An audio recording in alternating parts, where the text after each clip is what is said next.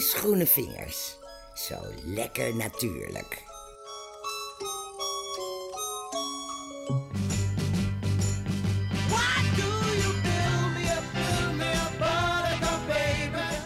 Hé, gezellig. Buttercup, oftewel boterbloem. Ze staan vanaf april te shinen in de weilanden en in de bermen. Maar je moet wel oppassen, want de boterbloem is giftig. Voor mensen en voor dieren. En daarom zie je in de wei heel vaak koeien en paarden om de plant heen grazen.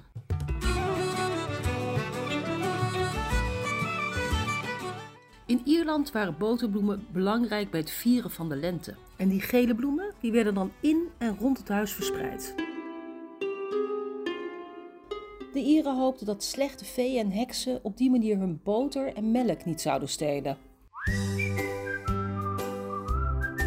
Kinderen die spelen nog steeds een eeuwenoud spel waarbij ze een boterbloem onder de kin van hun vriendje houden. Om te zien of ze van boter houden.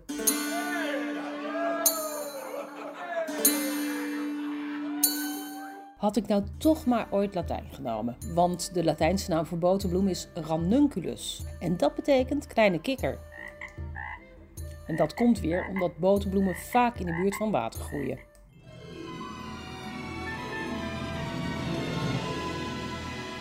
Shakespeare noemde ze kierenwietbloemen en in de Engelse straattaal werden ze gekkies genoemd.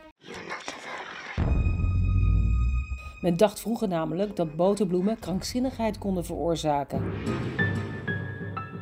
Zoals ik al zei, boterbloemen zijn giftig voor mensen en dieren als ze gegeten worden. Als de boterbloem in contact komt met je huid, dan kan het blaren veroorzaken. Vroeger werd het weer gebruikt door artsen om ziektes uit het lichaam te trekken.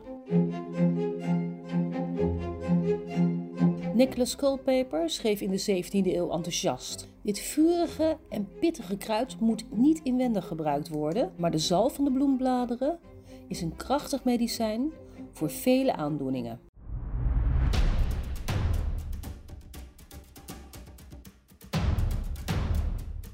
Jagers gebruikten de boterbloem om hun pijlen mee te vergiftigen.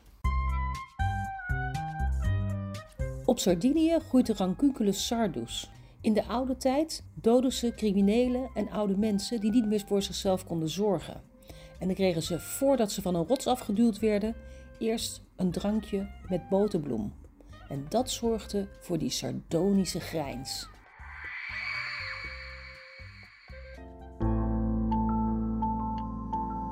Die boterbloem, dat is ook weer een signaalplant. Als de boterbloem verschijnt, dan is de grond te zuur. En dat is ook een teken dat de structuur van de grond heel slecht is.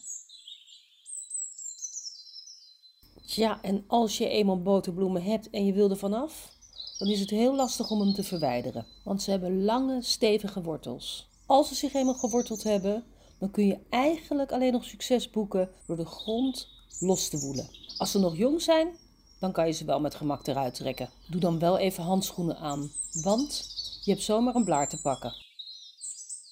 Die boterbloem die heeft eigenlijk weinig vijanden. Ja, jij misschien als je er eentje uittrekt. Maar wie er heel dol zijn op boterbloemen, dat zijn slakken. Die smullen ervan. Oké, tijd om je feestmuts op te zetten. We gaan even swingen met de twee pinten. Je hebt een liedje geschreven over de boterbloem.